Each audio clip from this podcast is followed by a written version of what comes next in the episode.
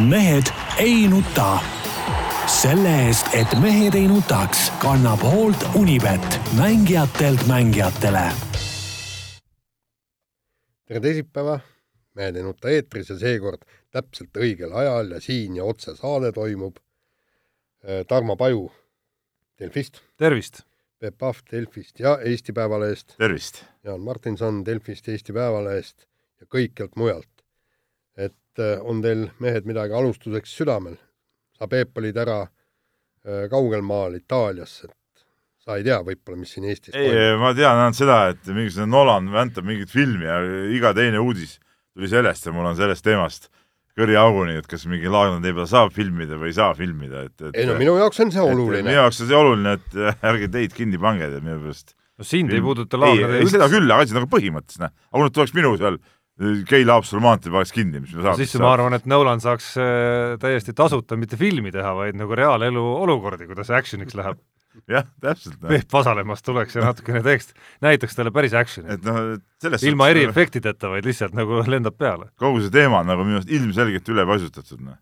Ei no aga esimest korda mingisugune, vaata ma lugesin, kuidas, kuivõrd palju seal Leedus tehakse igasuguseid filme ja, ja värke särke ja kõik nii, et, et seal on juba kõik see protsess ammu käib ja siis meil nüüd esimest korda mingi noh, veidikene üle keskmise filmitegija tuli kohale ja, ja noh, siis on ju vaja teha igasugust häält ja karjuda. ma saan aru, et eesti keeles ei muidugi midagi pistmist nagu, et see on nagu, et me, me oleme mingi aseaine või, või ei, dublandid või? ei vist ikka Eesti, Eesti teema jookseb ka läbi sealt aga okei.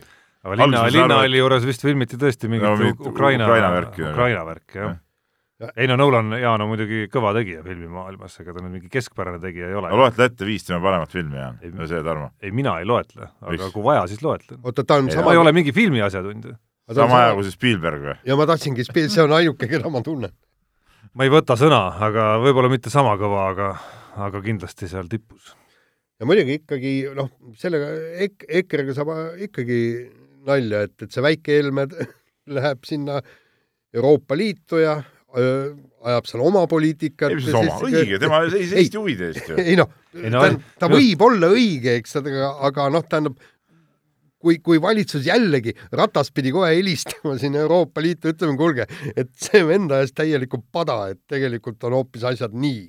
Ei nojah, aga vot ma, ma, ma ei ole nüüd, meil, meil oli hommikul toimetuse koosolekul sellest juttu, eks ole, ega ma tunnistan ausalt, ega ma täpselt ei ole ka väga süüvinud sellesse nii pealiskaudsel, välismaal olles pealiskaudsel vaatamist, mulle tundus küll, et aga miks ka mitte, et noh, mees ju seisab hea selle eest, et meie raha ei antaks Ei, minu kuskil arust- niisama nagu laiali. noh. küsimus ju siin ei ole isegi nii palju praegu selles, mille eest ta seisis, vaid et et noh, ma ei tea, kuidas, kuidas see Ratas seda asja nagu näeb ikkagi nagu toimimas, sellist kooslust, et et justkui nagu lepitakse kokku mingeid asju, no see on umbes sama, Peep, sa juhid korvpallimeeskonda, siis siis justkui lepite mingi liikumise kokku, siis mingi vend ajab ikka oma asja. nojah, aga seda, seda kuigi- päris tihti, kuigi- seda kuigi see ka päris tipptasemel kuigi teadupärast. see tema arvates, tema arvates on see ikkagi nagu parem liikumine lihtsalt, tema hakkab mängima mingit oma asja lihtsalt. no võtab näiteks palli ja, ja lahendab ise neid asju seal. paneb sisse, on hästi, ei pane, on pahasti, noh.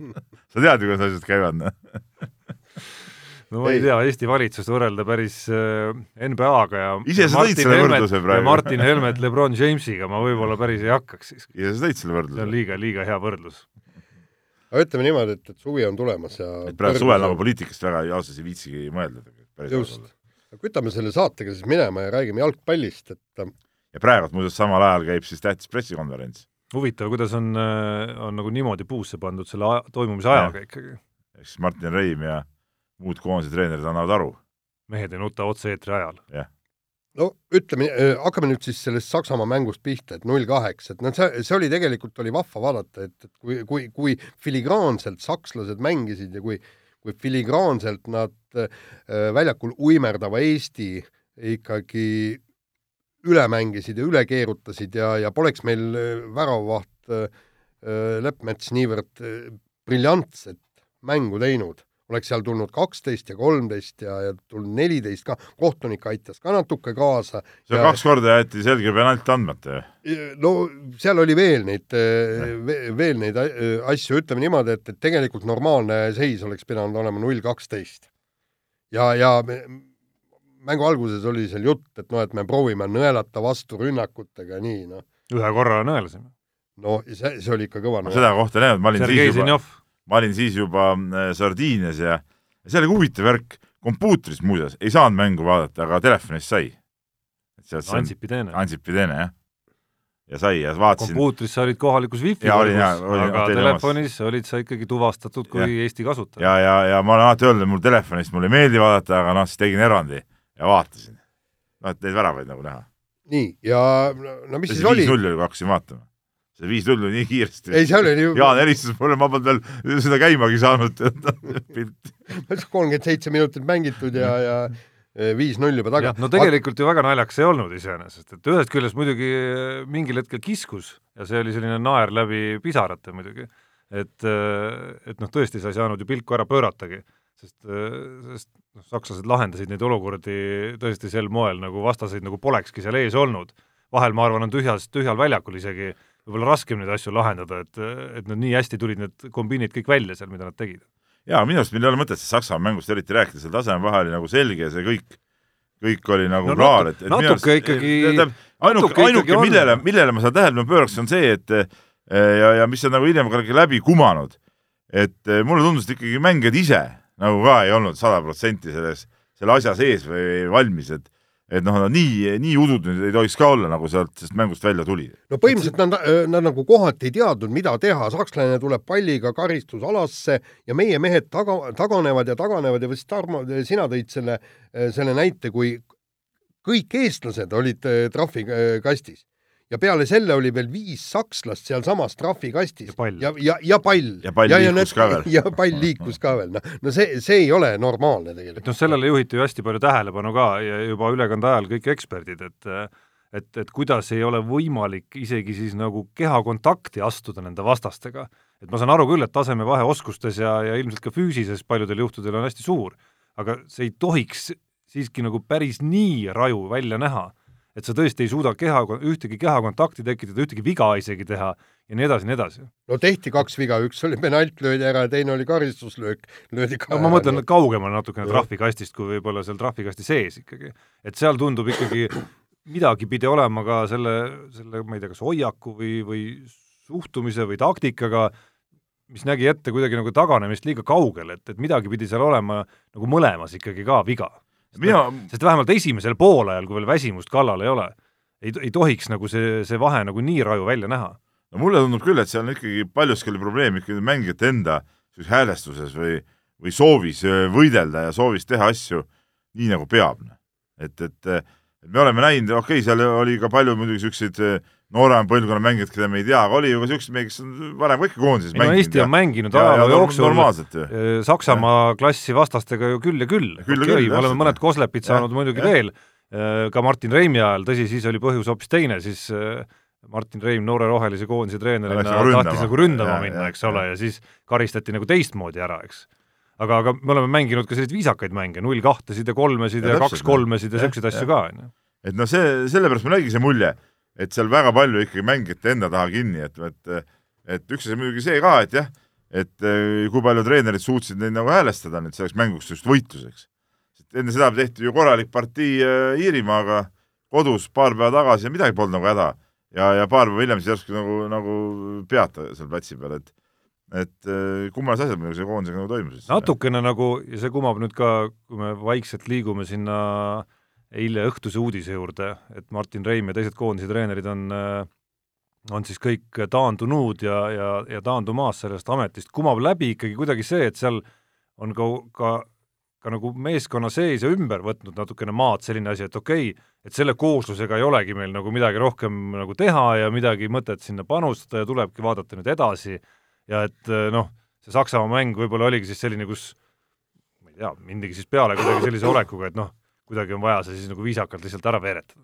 jaa, aga ma tahakski minna nagu nüüd selle ja ikkagi see, mind see Saksamaa mäng väga ei paelu, mind paelub kõik see, kõik see muu ja, ja, ja ja ma siin ühes kohas nagu ütlesin selle välja ka ja ma ei, tegelikult ma tõesti tahaks, kui ma saaks Aivar Pohlakuga praegu kokku või kui ma oleks olnud eile seal pressikonverentsil, ma oleks esitanud selle küsimuse, et et, et, et hea Aivar, et, et kuidas sa oled suutnud kõik need kakskümmend mingi viis, kuus, seitse aastat nagu ära lollitada kõiki jutuga sellest, kuidas me Eesti jalgpalli arendame.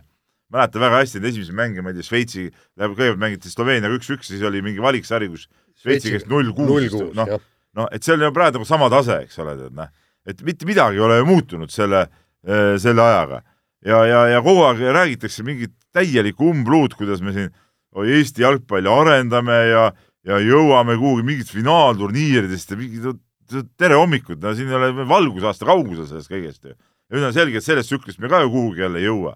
Et, et mis värk sellega siis on, et, et, et kas tõesti see on lihtsalt nagu mingi Aivar Pohlaku mingisugune mingi voodoo, eks ole, et ta äh, tegeleb seal selle asjaga nii-öelda näiliselt või, või miks, miks me mitte kuhugi jõudnud ei ole, milles see probleem nagu on, noh ja sellele ei ole mitte keegi vastust andnud. ja, ja kõige hullem on see, et, et ka jalgpalliajakirjanikud ei küsi seda küsimust. ei küsi küsimust ja, ja ei tee analüüsi. kuradi keerutamine ümber nii-öelda palava pudru nagu tead no.. minu arust läheb see, see nagu teistpidi vales rappa natukene see, kui, kui nagu hakata ainult nagu rääkima, et umbes Aivar Pohlak, et sina oled süüdi ja ei, mitte tema pole süüdi, ma küsin küsimus..., ma tahan teada käest, kuidas ta seda asja seletab, miks me ei ole kahekümne viie aastaga mitte kuhugi jõudnud, noh. mitte kuhugi jõudnud, noh. me oleme täpselt samas seisus, nagu olime üheksakümnendate alguses, seesama, seesama Šveitsi mäng mul tuli, kui ma vaatasin Saksa mängu, mul tuli kohe see mõte, täpselt samas seisus oleme. ja, ja, ja kusjuures, kusjuures ärme räägi võib-olla sellest valiksarjast, et tõesti, no, no ei ole võimalik sakslastele vastu saada ja, kellele iganes. ei no sakslased, sakslased räägime üldiselt, me ja, pole ju kuhugi jõudnud. oota, Peep, me ei pruugigi võib-olla tõesti jõuda, sest tegelikult nendeks väik-, väikeriikidest tõesti on, on Läti on okei okay jõudnud, aga noh, ta on ka suurem kui meie, Island on jõudnud. kõik aga, aga me räägime sellest, et meil võiks olla ikkagi ütleme, püsivalt enam-vähem selline koondis, nagu, nagu oli teatud hetkel, kui me siin play-off'i mängisime. see korraks oli jah, play-off ja see oli ka kõik. aga, aga ma, ma, ma tahaks rääkida just sellest, et miks ei ole meie mängijad jõudnud kuhugi, meil on äh, äh iidne, iidvana äh, Klaavan mängib praegu äh, tipptasemel, oli Poom ja, ja meil on põlvkonnad lähevad, lähevad, lähevad ja mitte kedagi ja, ja ma rääkisin peale, just no., see oli vist üleeile, rääkisin äh, ühe meie nii-öelda jalgpalli äh, ka, tahaks rääkima, no ütlesin, et ma küsin, mis, mis need lahendused siis on, eks ole, noh, Eestist välja peab minema. no minu arust neid vendi on läinud siin välja küll, aga nad ei saa ju kuhugi, nad saavad mingisse seitsmendajärgulistesse liigadesse ainult ja sellest ei ole mitte mingit kasu olnud, no nad ei ole sealt kuhugi arenenud ju tegelikult ju välja läinud, ma ei tea, palju väljas neid jalgpallureid mängib, mitme meeskonna jagu tegelikult ju. aga mängivad mingis lambikohtades kõik ju. et sellest ei ole mingit tolku ju. no minu arust on nagu väga vähe jõutud äh, kuidagi nagu äh, suunates neid küsimusigi ühest küljest nagu nii-öelda nagu mitte jalgpalliinimeste poolt kuidagi nagu Pohlaku suunas, et Pohlak, see on mingi umbes nagu see, et Pohlaku keskne on see süsteem, umbes sellepärast ongi asjad valesti, mit-, aga noh, see ei saa olla nagu see põhjus, miks asjad nagu valesti või miks ei tule mängijaid kuskilt. Et äh, et kui küsimus on selles, miks ei tule mängijaid, siis äkki peaks alustuseks vaatama nagu kõige lihtsama asja suunas, kas meie noored jalgpallurid, keda tõesti on ju palju ja neid fakte ei saa nagu kuidagi eirata, et äh, jalgpall on teinud äh, nii-öelda nagu harrastajate arvu kasvatamisel ja, ja poiste trenni saamisel väga head tööd aastate jooksul ja ma saan aru, et suures pildis on neid sama palju kui võrkpalli, korvpalli ja käsipalli harrastajaid kokku, eks Äh, ainult et tipp ei ole kuidagimoodi tulemas seal. aga äkki on nagu küsimus, vastus lihtsamast lihtsam, et massi on küll saadud hästi trenni alates lasteaedadest, aga nad lihtsalt ei tee piisavalt trenni seal noorteklubides. No aga see on ju ka alaliidu ikkagi suunata, et mis, äh, mismoodi et, seda et, noorte tööd meil, nagu sättida. et kas meil tegeletakse ikkagi nagu maailma tasemel tippude tippude kasvatamisega, sest äh, üks, üks niisuguseid veidramaid asju, mida on nüüd hakanud kõlama sealt jalgpalliajakirjanike leerist, eesotsas Ott Järvelaga siin viimastel päevadel ja ka järgmisel hommikul pärast Saksamaa mängu, on umbes see, et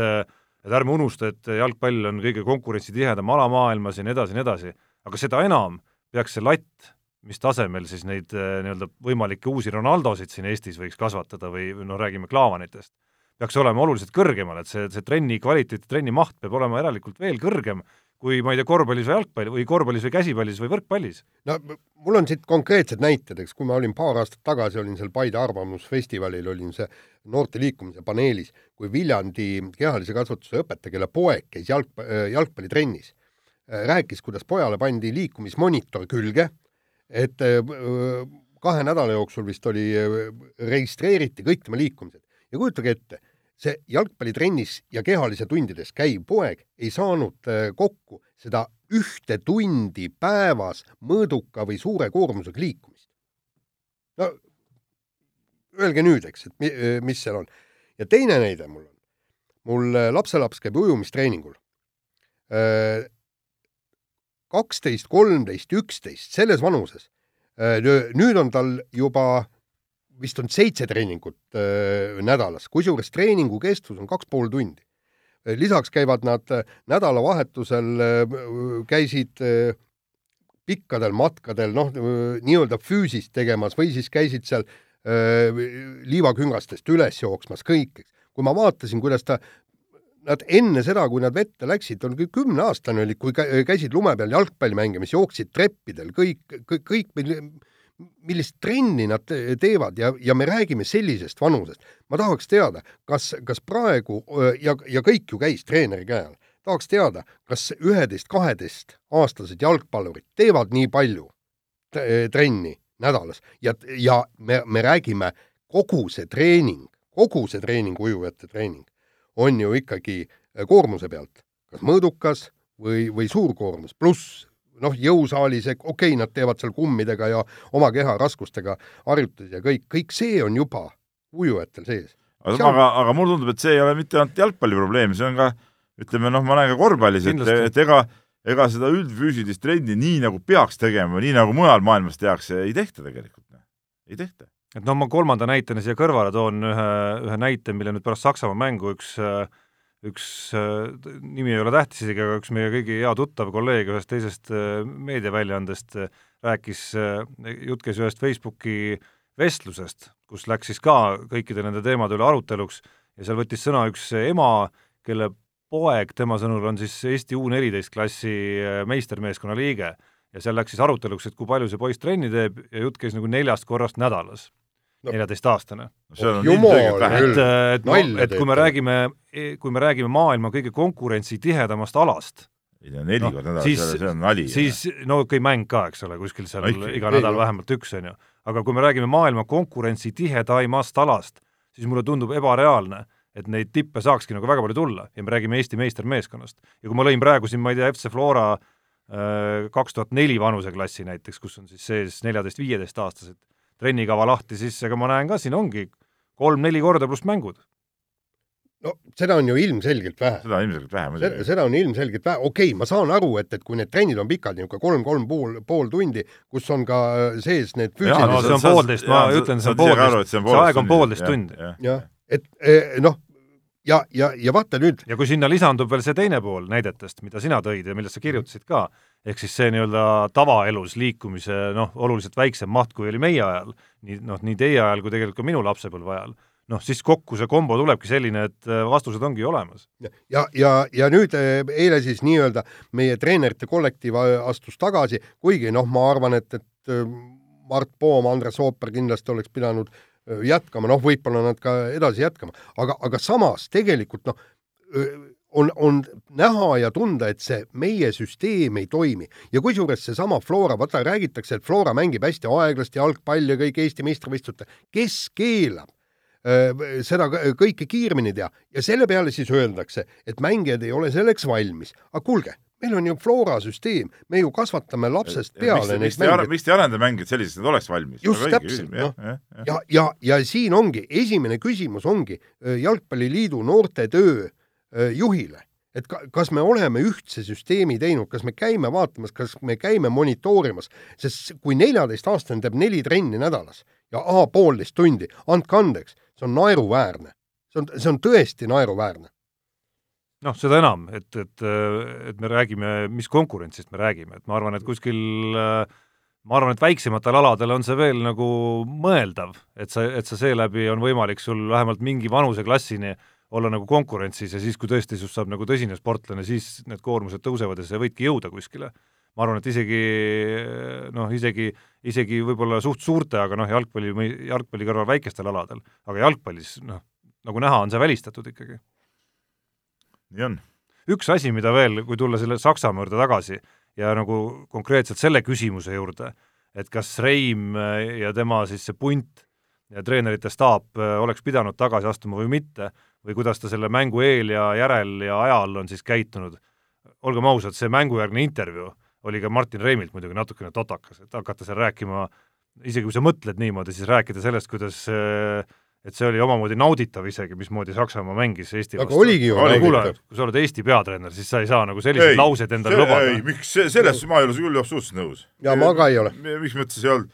Isegi kui ma Kossus mängin mõnikord ja ma näen tõesti, vastased teevad mingeid ilusaid asju, loomulikult see on nauditav. teinekord aplodeeridki. aga, aga küsimus, üks asi veel, mis, mis mulle jäi meelde eilsest, ma olin Riia lennujaamas ja ma nii-öelda lugesin otse blogina seda pressikonverentsi, mis seal oli, ja Aivar Pohlaku üks väide, kus Mart Poom oli, oli öelnud sellise lause, et et Eesti koondis on koht, kus ei peaks, kus mängijaid ei ole tarvis nagu tegelikult, ei peaks olema vaja motiveerida, et platsile minna, onju ei, seda ütles äh, Mart Poom. ma ütlesin Mart Poom. aa ah,, ja, ja, ja. Okay. ja, ja, ja, ja Pohlak ütles, et nojah, et ta põhimõtteliselt kirjutab selle alla, aga tundub, et natuke on. vot see, vot see jäi mulle küll nagu kõrva või silma, et mis, mis värk see on, kas tõesti siis koondises ongi siuksed vennad, keda peab seal utsitama Saksamaa mänguks nagu, motiveerima, et, et, et ma olen siin Mart Poomiga küll tuhat protsenti nõus, et, et kui sa Eesti koondises juba oled, siis siin, siin ei ole vaja kuskil motiveerida, sa peadki olema, sa tahadki minna ja selle Saksamaale ka tõestada, et, et ma olen nagu olen ka siin nagu mängumees ja, ja, ja, ja tahan asju ära teha. see haagib väga hästi kokku tegelikult selle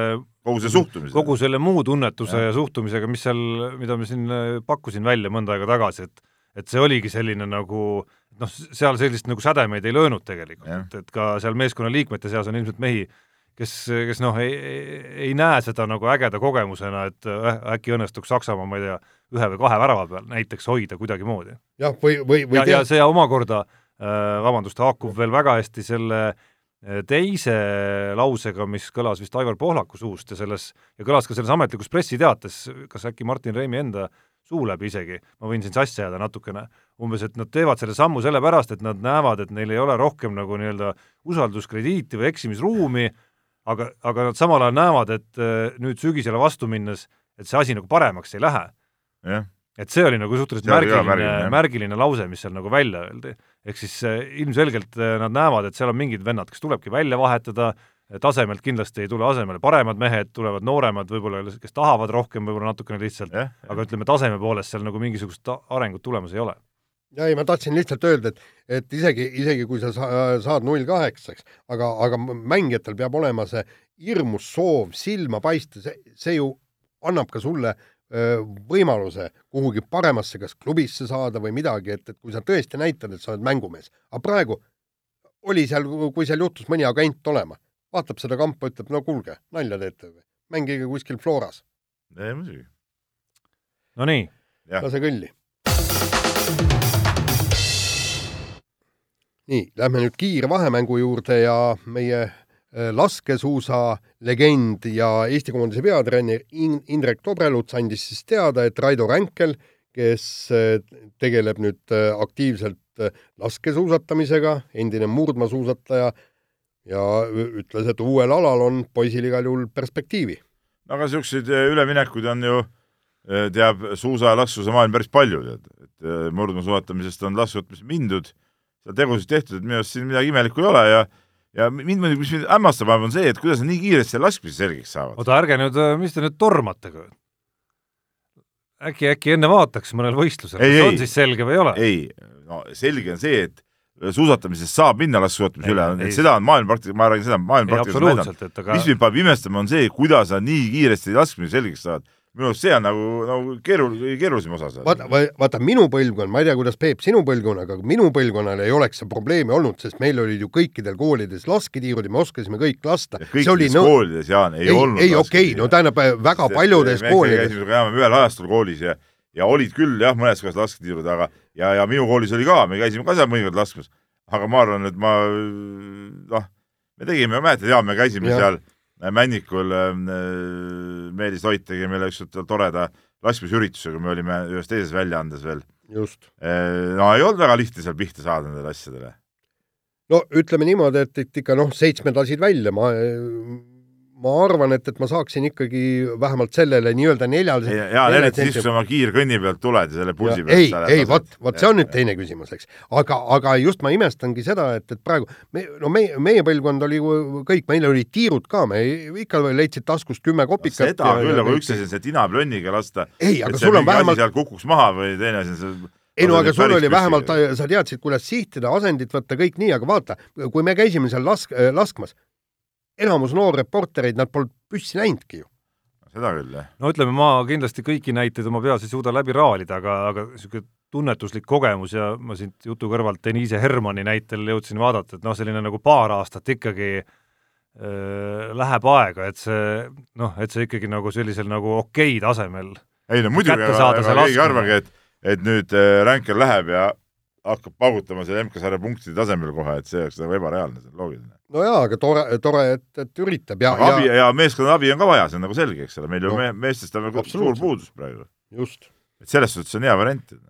aga vahetame teemat äh, ja ma nüüd ei teagi, kuidas seda täpsemalt sisse juhatada. ma paluks nagu tsiteerida terve see, see ja kui sõna. detailselt, aga, aga juttu tuleb siis äh, ühest olukorrast hiljutisel Narva Transi jalgpallimeeskonna mängul, mille ajal siis äh, klubi president Nikolai Burdakov sõimas oma klubi äh, mustanahalist mängijat Abdoulaye Diallot järgneva tsitaadiga Mine sõida Senegali tagasi, piiks, kui sa kogu aeg vigastatud oled, kogu aeg.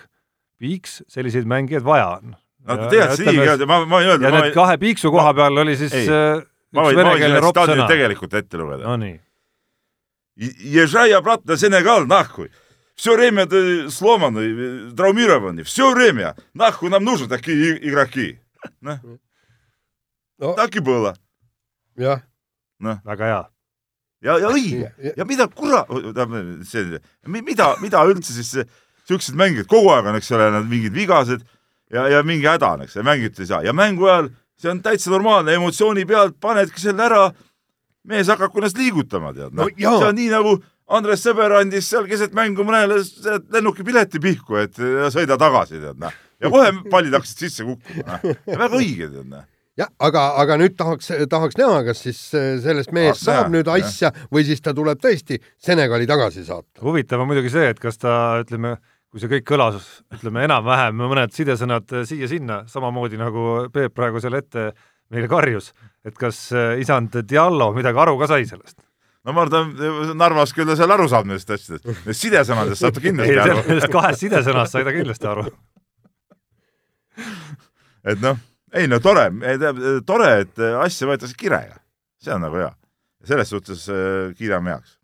nii, aga heaks tuleb kiita ka sellist meest nagu Rait Ratasep, kes on nagu minu arust nagu ebanormaalne inimene, noh, võib-olla heas mõttes või, või aga, aga mees siis käis niisugusel võistlusel, kus oli parajasti, see oli MK-sarja etapp, eks ole, mingi ultratriatloni MK-sarja etapp ja kahekordse Ironmani triatlonis püstitas maailmarekordi üheksateist tundi, nelikümmend kaks minutit, viiskümmend seitse sekundit, noh.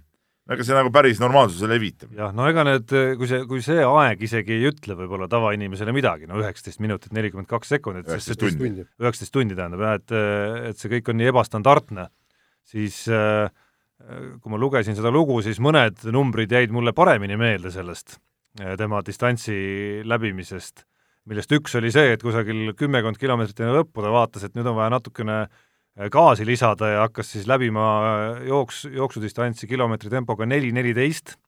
jah, mida annab niisamagi joosta et no ma ei taha ennast reklaamida kui mingi jooksumehena, sest noh, sest ma ei ole seda, on ju.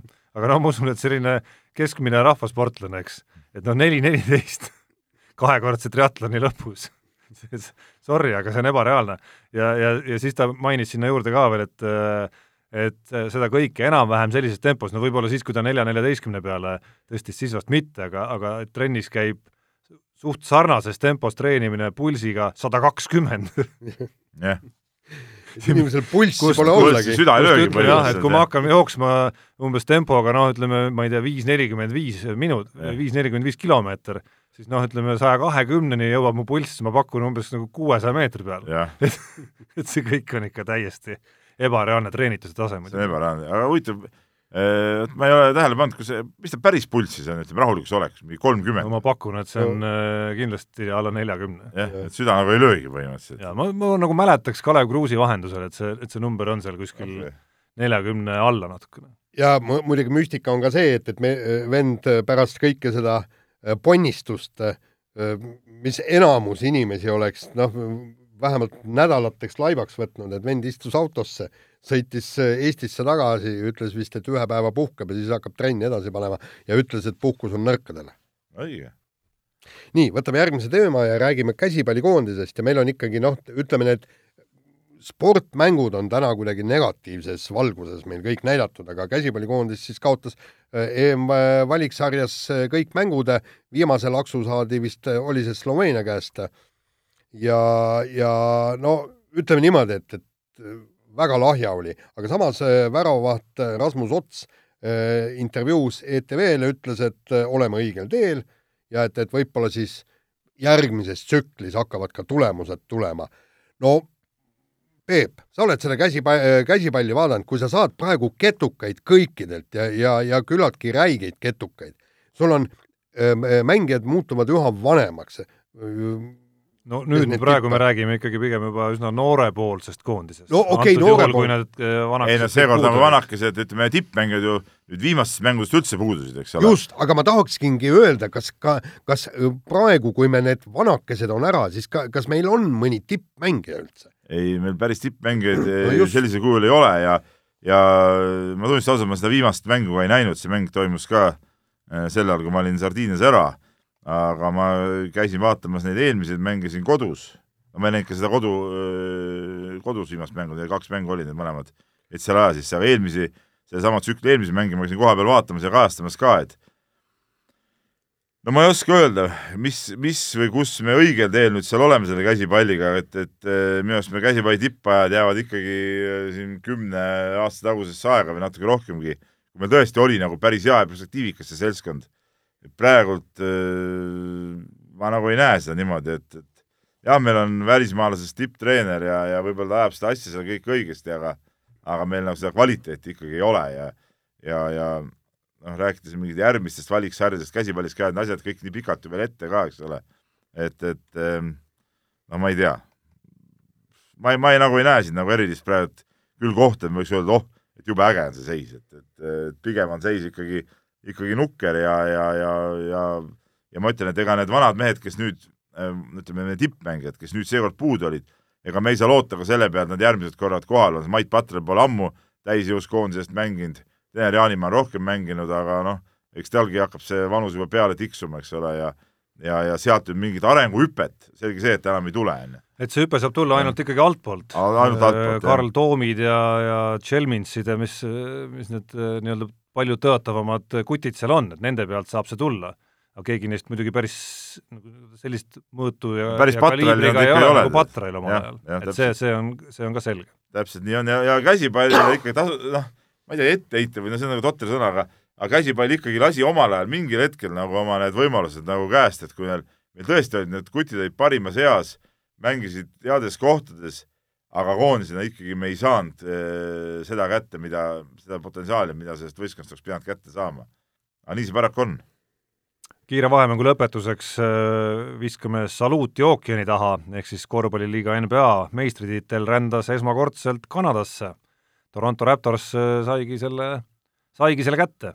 ei no iseenesest väga huvitav, et äh, jah, et see Kanada küll kõlab nagu totralt natuke, aga aga, aga ma tahtsin ka, et, et et see sinna läheks kuidagi, sest et see Golden State'ist oli natuke, natuke nagu tüdimus ka peal. jah, no natuke nukker, et see, et see päris sellisel moel lõpuks lõppes, kus, kus ikkagi kaks jah, Golden jah. State'i suurt staari kolmest või noh, kolmest, neljast, viiest, kuidas iganes neid lugeda, äh, said ikkagi nagu päris ränga vigastuse, mis äh, vähemalt ühe puhul mõjutab ka meeskonna järgmist hooaega juba väga valusalt, et, et, et sellist lõppu ei oleks muidugi näha tahtnud. no ega Duranti pool samamoodi, et äh, tal ju läks, tal oli Ahilka, Ahilka ja käis lõikusel, et see on ikkagi, see on ikkagi ka pool aastat umbes.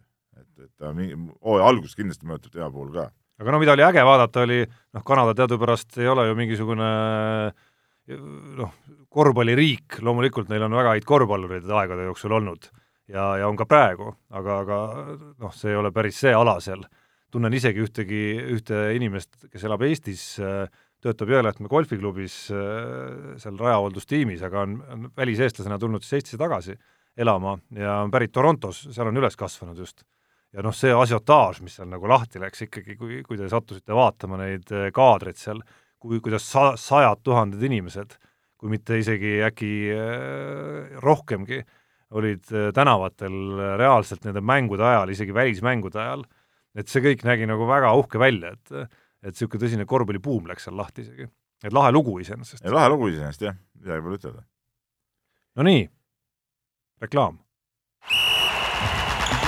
Unibetis saab tasuta vaadata aastas enam kui viiekümne tuhande mängu otseülekannet. seda isegi mobiilis ja tahvelarvutis. Unibet, mängijatelt mängijatele. nii, Piip, Peep, nii, kirjad. Piip ja Peep kirjutab, jah, võtab kirjad ette ja kõigepealt Tauri küsib meie käest ja ma ei tea, kas nüüd keegi meist vastata oskab, sellele ma tunnistan ausalt, ma ei jõudnud seda fakti kontrollida, aga Tauri küsib, et tere, et kas Lätil on õnnestunud kõikide meeste pallimängukoondistega jõuda EM finaalturniirile? no jalgpall, jalgpall, korvpall kindlasti, Nii. vot võrkpall, ma ei tea, kas nad on mänginud. jah, see on ainuke küsimus. ei no käsipall ka. nüüd, ei no käsipall, nüüd nad said ju. ja nüüd said jah, aga said, said, jah. mänginud veel ei ole. jah, mänginud Jah, ei ole, aga, aga- aga neil on aga- vähemalt äh, kolm on olemas. ja, ja ma ja nojah, et rohkem, ja Oki on neil nagunii, aga see pole palli mänginud. et selles suhtes äh, väga kõva, eks ole, noh. et ja mis on meil vastu panna? meil, meil on vastu panna võrkpall ja korvpall. no Läti võrkpallurid on ka mänginud On, jah? aastal üheksakümmend viis. jaa, ma mõtlengi, et siis, siis nad võisid olla päris tugevad, jah. Vilde- Vilde, Vilde- Vilded ja siuksed mehed seal mängisid, jah. no võitu nad sealt kätte ei saanud, aga, aga aga fakt oli see, et nad olid seal. et nad olid seal, jah. et parem, paremad kui meie. nii, väga palju kirjumusi on tulnud äh, kahest asjast, on sellest jalgpallist ja, ja, ja rallist ja nendest asjadest. kusjuures lihtsalt äh, remargi korras, see võitu ei saanud, kõlas võib-olla niisuguse üleolevana, aga noh, tegemist oli ajaga, kus äh, finaalturniiril mängis kaksteist meeskonda. jah, No et vot see, see, see, see tase, kuhu Eesti on pidama jäänud. et ähm, äh, rallist ja, ja, ja jalgpallist, rallist me veel räägime, jalgpallist rääkisime, aga siin on paar, paar asja, mida tasub veel võtta. kõigepealt Marko on siin kirjutanud, tal on ka pikk, pikk jutt äh, jalgpallist ja, ja noortest ja treeneritest, aga aga ma võtan tema hoopis küsimuse tennise nii-öelda osa, et Jaan, et äh, sinu pihta läheb see nüüd, et et Jaan, et kui ma olen jube kõva kolmeste viskaja, vabavisete viskaja, kui mänguks läheb, siis hakkab käsi värisema, siis ma pole Euroliiga tasemel korvpallur. sama kehtib ka meie naistennissistide kohta. maailma top kümme mängijad on igas elemendis tasemel, isegi psühholoogiliselt. Ja ei, praegu on, eile vaatasin Kontavi, Kontaveidi mängu ja seal ei olnud küll psühholoogiaga mingit eh, tegemist, lihtsalt äh, Johanna äh, Konta tagus ta lihtsalt sinna muru alla ära, seal ei olnud noh, mitte midagi, seal nii, nii võimsalt mängis ja, ja me räägime ikkagi praegu maailma äh, mitte absoluutsest tipust, eks, et, et, et Kontaveidil noh, saab näha, mis need järgmised turniirid toovad, aga, aga, aga praegu on ikkagi, seis on väga nutune, ma just siia tulles hakkasin mõtlema, et et, et huvitav, kas ta peaks niisuguse pooleaastase või, või isegi pikema pausi võtma ja hakkama tõesti trenni tegema, korralikult proovida areneda. kuidas Jaan siia tulles selle peale mõtles, kui meil hoopis muud jututeemad olid samal ajal? Ei no vahe, vahepeal siis, kui sa printisid, siis Ah, no, ei, mul tuli, ma just mõtlesin seda, seda maailma esimene mees, kes on kõva jah, suudab vaata mitut Ei, asja no, korraga mõelda ei, ja ma- teha. äkki sinus on peidus mingi naine või? Ei, ei, see on, see on nagu arvan, naistele et- omane, et, et ei naised naised suudavad ainult ühe asjaga, ühele asjale keskenduda, mehed on need, kes kümmet asja ei, see ja, ja see on küll vastupidi, et kui mees ka, vastupidi kui ja mees vaatab telekat, siis ta ei ja kuule, mida naine räägib ütlen, ka enda kogemusest pigem, et ikkagi naised on need, kes suudavad ja mehed mitte. ei ma, ma arvan küll, et ei, aga see ongi naiste roll elus ongi teha mitmeid asju, et meestel oleks hea olla. rööp rähelda ja, nii-öelda. ja rööp rähelda täpselt. nii, aga huvitav kiri on tulnud ka eh, siis eh, spordisõbralt ja, ja eh, ta siis meenutab, et teaduses toimus eelmisel nädalavahetusel, see on siis nüüd sellest juba eelmine nädalavahetus, viimast korda Kiviõli motofestival, kus toimus ka külgvankrite motokrossi MM ja kvaadide EM-etapp. noh, ta siin toob ära, et Gert Varik on siin eh, külgvankrites eh, päris maailma eliidis, Kevin Saar kvaadidel noh, jahib praegu kolmandat järjest niisugust Euroopa meistritiitlit ja, ja ja kõik see toi- on toimunud enamasti inimeste enda fanatismi ja tuttavate abiga. järgmise sammu tegemiseks ilmselt sellest enam ei piisa, sest konkurentide rahalised võimalused on märgatavalt paremad, no näiteks Kevin Saare puhul ma ise tegin temaga intervjuu, seal oli jutt sellest, et peaks minema Ameerikasse, kus on nagu järgmine level.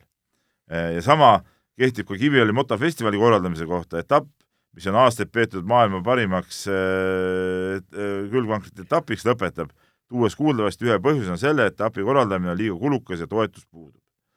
et ähm, no ta siin küsibki, et mida, mida me siis arvame, et kas riik peaks sellisel tasandil, sellisel tasandil selliseid asju nagu toetama, neid sõitjaid kui ka niisugust etapi korraldamist? no riik kindlasti ja omavalitsus ka, sellepärast et see noh, ütleme niimoodi, et ikkagi omavalitsuse kohus on öö, ka oma inim-, oma elanikele tuua sinna noh, nii-öelda kultuurset meelelahutust ja, ja, ja kõike muud ja, ja arendada seda motokeskust ka.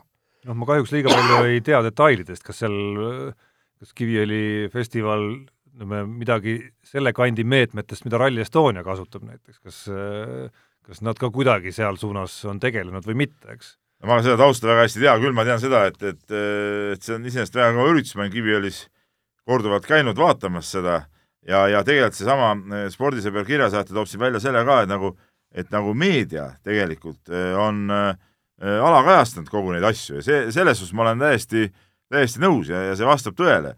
Et samas nüüd üle-eelmine nädalavahetus siis ma olin ise Kiviõlis kohal. Tegelikult ma olin ainuke väljaanne seal, ei olnud seal meie ühtegi konkurenti. Ja kui ma nüüd Sardiinia rallil olles rääkisin ühe konkureeriva väljaande inimesega, siis ta ütles, et neil isegi ei tulnud kordagi jutuks, et sinna võiks nagu minna. See on nagu kummaline, et kusjuures ma mäletan vanasti küll nii Postimees kui Õhtuleht, kui ma ise töötasin Õhtulehes, Postimees oli Tõnu Kees, me käisime isegi Eestist väljas neid samasid külgvankrite etappe kajastamas, Aare Kauritid ja, ja, ja ja korjused siin sõitsid, eks ole, et see oli nagu kõva asi ja neist sai väga palju kirjutatud. nüüd on see asi tõesti kuidagi nagu ajakirjanduslikult nagu, nagu ära vajunud ja, ja, ja see on võib-olla ka üks põhjus, miks, miks neil on ka raskem neid toetajaid leida, et teistpidi, kui võtad samasuguse kvaadide EM, et noh, Eesti kutt, noor kutt, äh, kaheksateistaastane või üheksateistaastane nüüd, äh, kahekordne Euroopa meister, praegu võtab kolmanda tiitli järjest ära, noh, miks ta siis nagu kehvem on, kui, kui ma ei tea, Euroopa meister, ma ei tea, kettaheites või, või, või käimises näiteks, noh. ei ole ju no,. et ala on ju iseenesest nagu raju ja raske igatepidi. et, et, et see on nagu paljuski ka see kajastus muuseas, see ikkagi Eestis sõltub ka sellest, kas mõnda ajakirjanikku mingi asi huvitab või, või ei huvita lihtsalt ja nii, nii on. Jaani-sugustega on nagu raske. siin tulevad veel kirjad ka suusatamiste asjast, aga ma arvan, et meil ei ole mõtet neid praegu ette lugeda, et et kuna meil suusatamine tuleb ka eraldi veel nagu jutuks, me võime siis korraks, korraks natuke üle vaadata, ei, või tegelikult ma ikkagi võtaks tead selle Kalle kirja, see, see on ikka õige tegelikult. et lugesin Jaani artiklit meie suusatamisest ja Suusaliidust ja, ja tegelik probleem pole mitte Suusaliidus, vaid selles, et kestvussport tervikuna hääbub pealetulev põlvkond ei suuda seda metsikut trenni lihtsalt välja kannatada. lapsed kasvavad vati sees ja neid kasvatatakse juba eos äppudeks, kes ei tea, mida tähendab vere maitse suus trenni tegemine. vot ma päris nii ei ütleks, ma, ma tean kohe kindlasti, et, et seal suusatamises on mõned, ma ei, ma ei saa öelda, et palju, aga, aga, aga mõned, kes te, tegelevad tõesti väga-väga tõsiselt selle suusatamisega ja nad tõesti treenivad ka veremaitse suus, aga seal on mingisugune nii palju kui Kristiina omal ajal või? üsnagi isegi, üsnagi. Ja aga, aga ma ei tea, mille taha seal noh, no põhimõtteliselt nad on ka Eesti juunioride koondises, noortekoondises. ei no, no noorte juunioride koondis ei tähenda nii palju treenimist. ei, see, ei, seda küll, eks, aga, aga seal on kuskil on mingisugused konksud kus, kuskil taga, et, et et me võib-olla neist veel kuuleme, aga üldiselt kestvussport, eriti näiteks jooksudes on, on küll, kuigi meil on see äh, Luuna Aleksandr. Luuna. no see oli, Jaan, jälle, jälle mingi sinu ei, aga, aga, aga üles push itud, see on lihtsalt nagu looduslaps, ta ei ole võib-olla mingi veremaitse suust trenni teinudki. kuule, ütleme niimoodi, et ma käisin neid treeninguid vaatamas ja, ja ikkagi neiu treenib äh, täiesti himuga ja ei saa öelda, et ta treeniks vähe.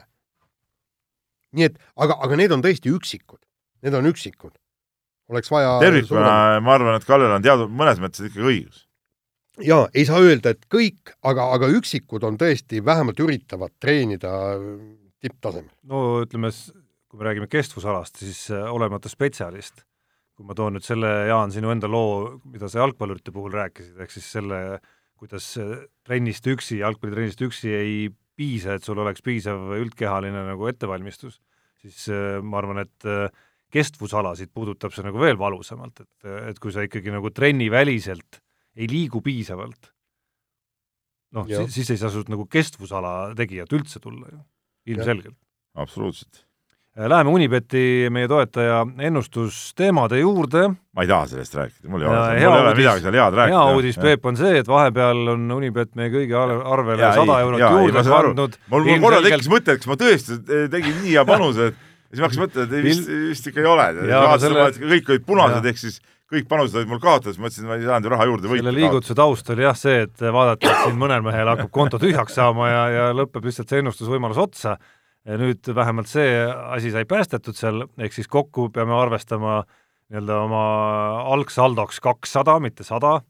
ja, ja mis see, mis see tulemus nüüd on siis? no ma ei taha. mina just vibutasin ma, rusikaga ma, ma enne.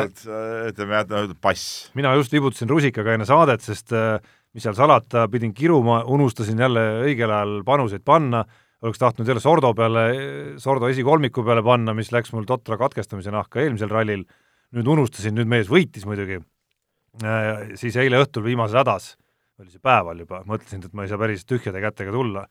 Ja leidsin ikkagi ühe panuse ja enne saadet vaatasin, läkski täkkesse, Hispaania korvpalliliiga finaal eile õhtul, Barcelona kaotas vaid ühe punktiga Realile seal oli see ah. rida oli üheksa koma viis tegelikult. pean nüüd eh, siia nagu lõikama nii sisse. kakssada nelikümmend üheksa on minu sõnum. Tarmo, ma pean lõikama sisse siia eh, korvpallifinaalidega seoses ikkagi. et eh, tegelikult ma sain päris kõva elamuse, samal ajal kui ma olin Sardiinias, käib Itaalia korvpalli finaalseeria ja tegelikult ma küll ei läinud koha peal vaatama, kuigi kõrval Sassaris on mingi kuuskümmend kilti sealt, kus ma olin. ja pärast kaks mängu finaalseeria, siis kolmas-neljas mäng olid seal aga no kohalik muidugi Rai sport kandis kõik üle ja ma telekast vaatasin. ja seal inimesed ka baarides vaatasid neid mänge, et selles suhtes huvi oli seal päris suur ja väga kõvad mängud olid väga,, väga-väga vinge oli vaadata ja ja, ja seis oli, seis on kaks-kaks, ma võin praegu ütelda seal. et väga-väga-väga kihvt, väga kihvt, ütleme nii, et ütleme ralli ralliks, aga korvpall on ikka korvpall. no kuidas sul, Jaan? Ei, äh, ma, ma olen ikkagi plussis, aga, aga Ott Tänaku peale panin äh, korraliku kopika ja, ja kahjuks hävisin, aga mul on kuskil kakssada kolmekümne alla. no minul on seal kuskil sada kuuskümmend võib-olla siis. aga uue nädala Mehed ei nuta eripanus on äh, Unibetis juba üleval ja see puudutab Eesti võrkpallikoondist ja eelseisvat Aha. Euroopa kuldliiga finaalturniiri, mis siis Saku Suurhallis toimub ja küsimus on, kas Eesti võidab selle turniiri või ei võida. Äh, võidu koefitsient on kolm koma kaks ja see, et Eesti ei võida, üks koma kolm, mis tegelikult viib meid sujuvalt äh, meie plaani järgi saate järgmise teemani. jah, äh, räägime võrkpallist ja Euroopa Kuldliiga finaalturniir toimub no, nüüd reede-laupäev Eestis. no kolm koma kaks, kodune turniir no, no ma saan aru, et poolfinaali vastane on Türgi, on Türgi, mis on nagu väga kõva pidi praegu olema. ja, ja, ja kui me peaks ka kõvad olema. jaa, aga, aga meie viimased mängud, mängud on ikkagi, ütleme, erakordselt lahjad. mul on natuke läinud nagu radari alt läbi või ma ei jõudnud nagu ennast nagu kurssi viia või õigemini ka meie võrkpallispetsialist, noor reporter Roosnaga rääkides, et mis kamm seal viimase mängu ajal siis oli, mis see Gretu läks minema või lõpetas ära treenimise või? no või, või mis seal nagu toimus? põhimõtteliselt oli vait ja rohkem võistkond ei puutunud, sellepärast et tema oli oma jutud ära rääkinud, et ja, ja mehed ei teinud seda, mida ta, ta tahtis ja siis noh, tema süsteem ongi selline, et ronisite Essu sisse, ronige nüüd sealt välja ka, aga ei ronitud välja. Eesti mängis harukordselt kehvalt ja, ja null kolm tappa, kusjuures ei olnud nagu vist lootust kiirtki ja nüüd kas me nädalaga jõuavad kõik need vennad nii heasse vormi, et me suudame Türgit võita?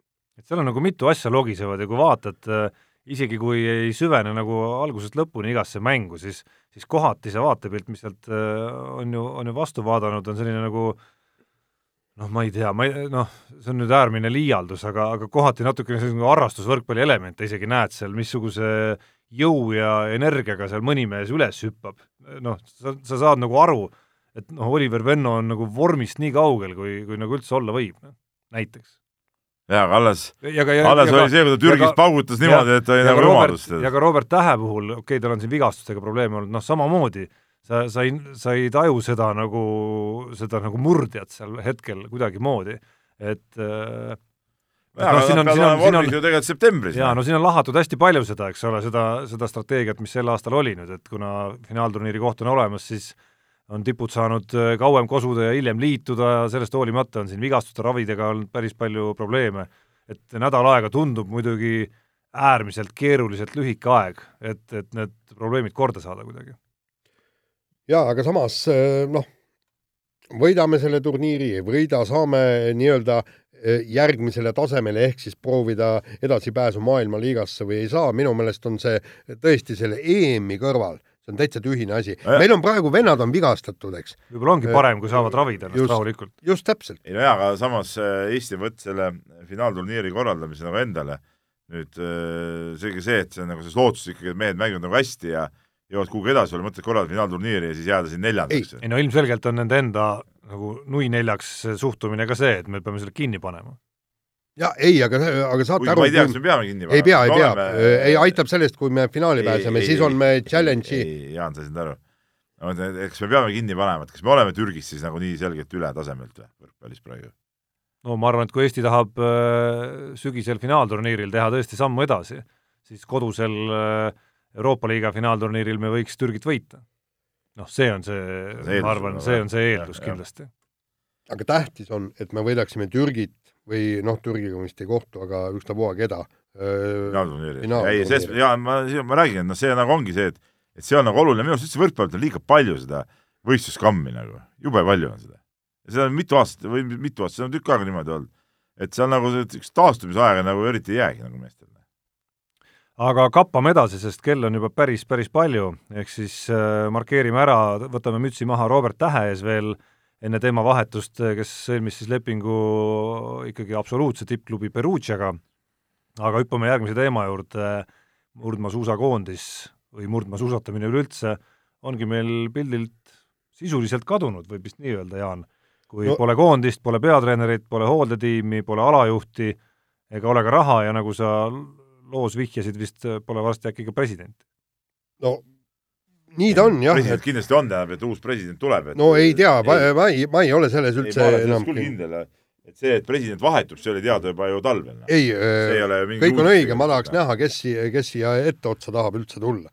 et, et äh, hakkasin lihtsalt helistama, noh, kui ma kuulsin, eks presidendilt ja, ja peasekretärilt, et äh, murdmaaga on asjad nutused, et, et põhimõtteliselt raha nagu suurt ei ole, hakkasin helistama Anti Saarepuule, ütles tema on juba uuele tööle läinud, kes oli äh, tiim Haanja, Haanjas oli treener, helistasin määrdemeestele, nemad ütlesid, et ei, tal on juba äh,, sõidab äh, uue tiimiga lepingut äh, allkirjastama, eks, siis selgub, et ei ole isegi alajuhti, et ühesõnaga nad valisid välja alajuhi, aga väidetavalt pakkusid nii väikest palka, et nad selle raha eest ei hakka keegi äh, seal tööd tegema, tähendab, ühesõnaga meil ei olegi mitte midagi, Murdmaal ega meil raha ka ei ole, noh, et, et ühesõnaga äh, noh, nii et paneme selle kontoora rahulikult kinni, aga, aga mis mind eriti häirib ja ma kirjutasin sellest ju mm, kommentaari ka, on see, et, et neli aastat tagasi tuli siis see uus äh, kamp äh, Suusaliidu etteotsa ja lubasid äh, kokku maad ja taevad, käisin seal ju koosolekutel endal kõik, et kuidas me uuesti teeme ja kuidas me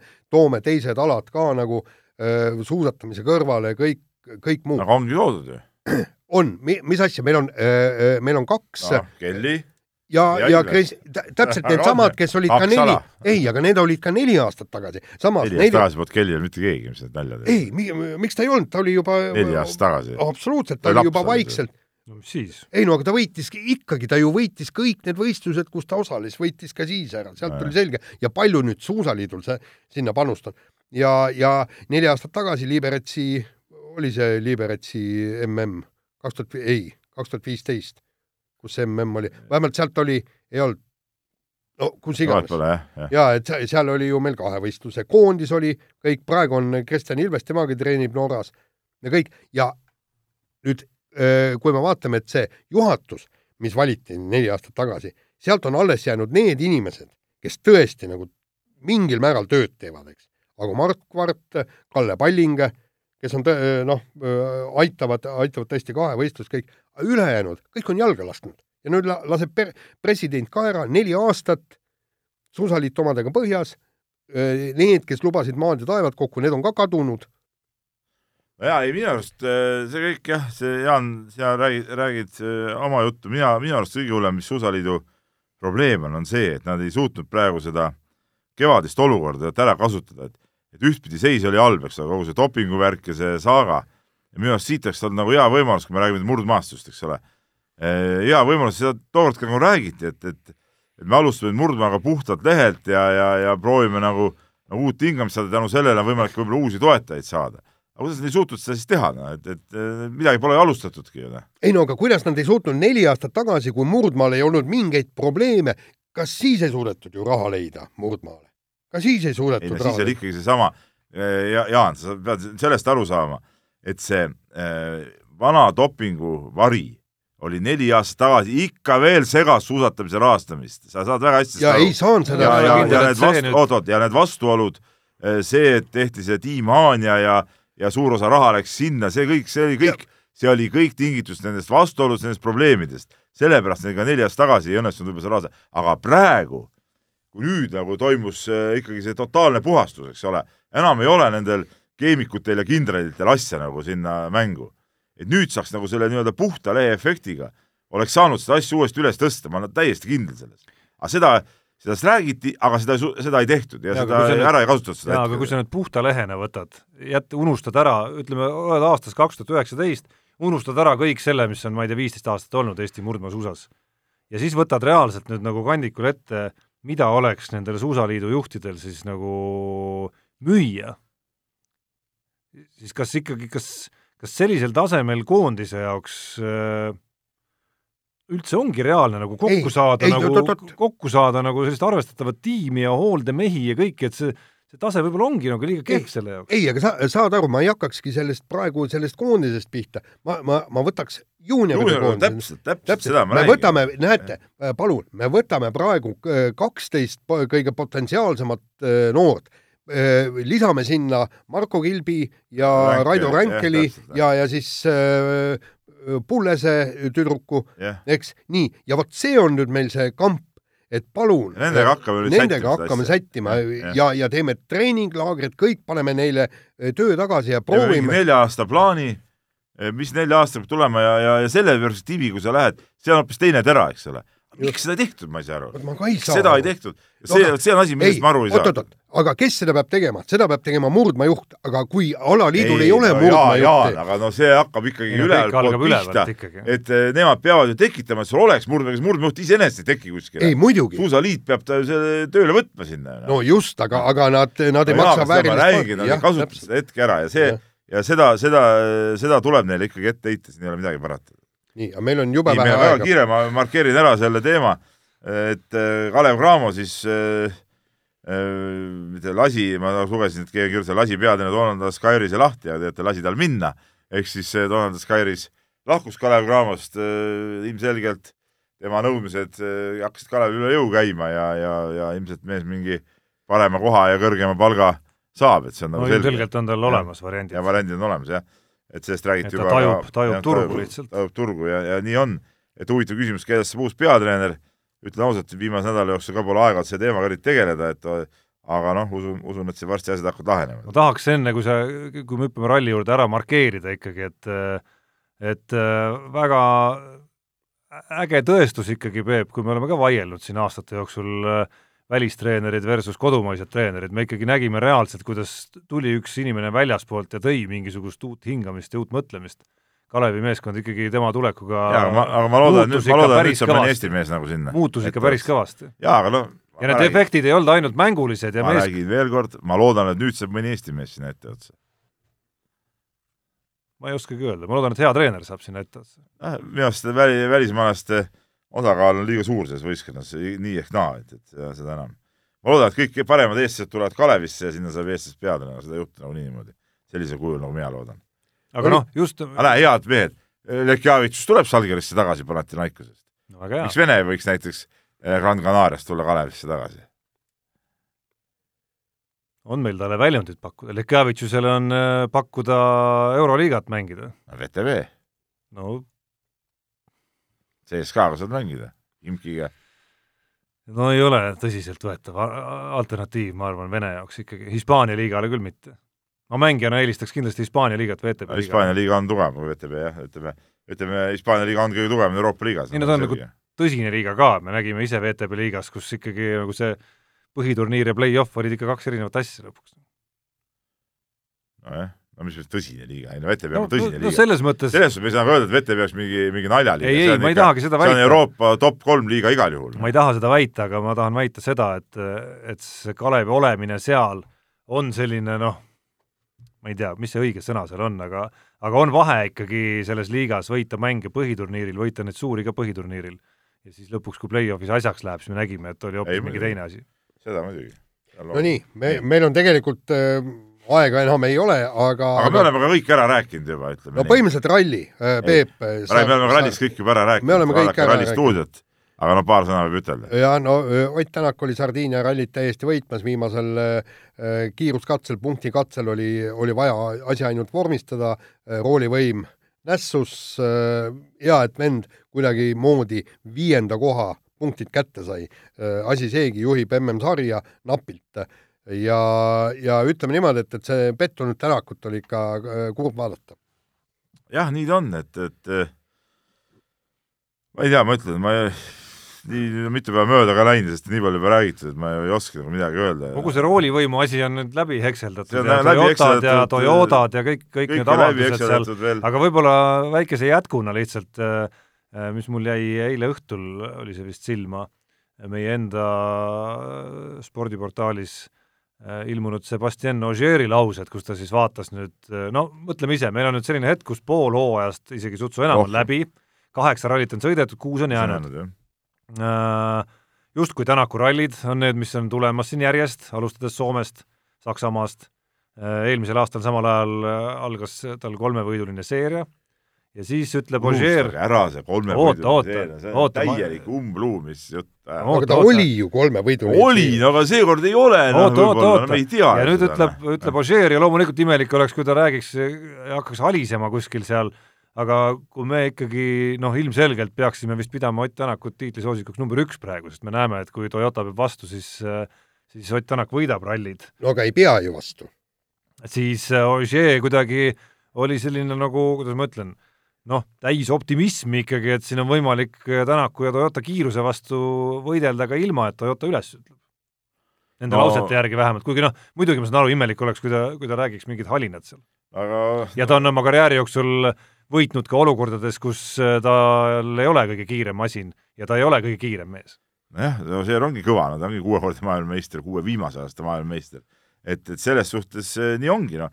et äh, jah, meile tundub ja mulle tundub ka, et ma olen seda korduvalt kirjutanud igal pool ja öelnud, puhta sõiduga ei saa nagu Otile keegi vastu, aga äh, küsimus on tehnikas ja küsimus on ka selles, et, et kui palju nüüd ütleme selle, selle puhkusperioodi ajal äh, auto nagu muutub, kui, mis, mis nagu autode juures õnnestub teha eh, paremaks, mida sättida ja, ja noh, see ma nägin ka kaasa nuppu, millest sa räägid, et noh, see ütles, et neil on nagu vastu, uuendused on tulemas, vastukäigud on nagu olemas, noh, võib-olla tõesti, ega Citroen ei ole oma potentsiaali sel hooajal veel ilmselgelt avanud, nad ei ole õiget kiirust seal näidanud, samas kunagi Citroen on olnud väga kiire, Chris Meek näiteks Citroeniga Soome ralli on võitnud mõned aastad tagasi, et, et seal kindlasti nad oskavad kiiret autot teha, et, et nüüd ongi see küsimus jah, et mis, mis nagu saama hakkab ja ja, ja, ja jah, nii on, et ma arvan, et Soomes on kindlasti äh, Tänak äh, võidusoorik number üks, ma Saksamaad ja, ja veel vähem Türgi kohta, noh, seda ma nüüd kindlasti niimoodi küll ütelda ei julge. jaa, aga väga huvitav on Soomes muidugi näha, mis,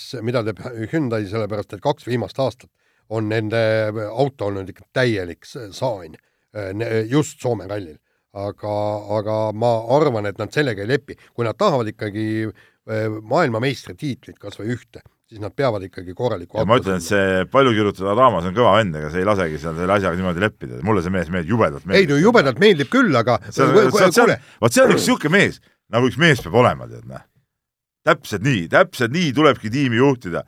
sa oled karm, viskad sa samal ajal nalja, tead, sa oled niisugune väga-väga äh, timm vend minu arust. Peep, tee mulle selgeks, kes sõidavad Hyundai's Soome rallil? ma tean, et äh, sõidab Mikkelsen ja ma tean, et sõidab Neville ja seesama ma võin sulle enda kaardilugejad nimed ka öelda, neli meest juba. ei, aga, aga ütle nüüd, sa oled kõva ja karm mees ja sa ei suuda äh, sinna tuua ei lööbi, ei sordot.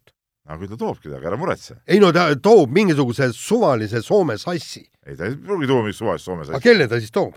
no küll sa näed, näe no ma vaatan, kas ta on nii kõva ja karm mees, et suudab lööbi sinna tuua. ei, lööbi ta kindlasti ei too. Sordo suudab tuua. aga võib-olla, võib-olla on veel mingeid käike. Pädon on näiteks variant, miks ei ole variant? No kas Pädon oleks halb variant? Pädon kiired rallid, väga hea. kuule, oota, sa tahad öelda, et Sordo on kehv mees või?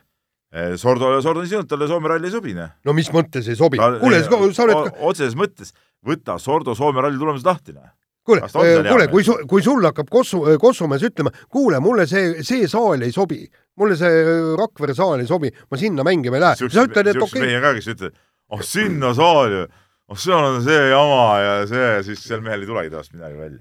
Nii on, aga, aga ma ütlen, et äh, Adama on, okei okay,, see, mis Ožeer siin süüdistas, asjad, see, see kõik on, on omaette teema ja, ja seda ma nagu heaks kiidan muidugi, niisuguseid käitumisi. aga oma olekuid üldiselt, niisugused värgid, mulle väga meeldib ja väga sümpaatne oli see tema käik sinna Toyota telki muuseas pärast no seda juhtu. pidigi ei, tegema mis pidi, ei, ei pea midagi, mis just pidi tegema. ta irvitas niikuinii sest et, sest et äh, kõigil võib kõigil võib autodega juhtuda. tähendab, kas sul juhtub, ma ei tea, kolmandal kiiruskatsel või viimasel, aga mingit vahet ju ei ole tegelikult yeah.. aga see, kus mees tuli sinna ja ei, see oli, see oli väga vägev hetk. nii, kuulge. sina, Jaan, sa ei taju neid asju, sa, sa, sa ainult ajad mingeid oma mingeid värke, sa siukseid, noh, südamlikku asja, sa seda ei taju. nii aga sellega nagu, kuulge, me oleme nagu masin, ütleme. No, masin, jah, jah, jah, masin. okei okay,, me oleme nii palju siit üle olnud, et kuulake mind nädala pärast ja nautige Eesti suve, jaanipäev tuleb vahepeale. elagu jaanid! jaa, jaanipäevaks kõrgeks kasvab rohi. Mehed ei nuta. saate tõi sinuni Unibet, mängijatelt mängijatele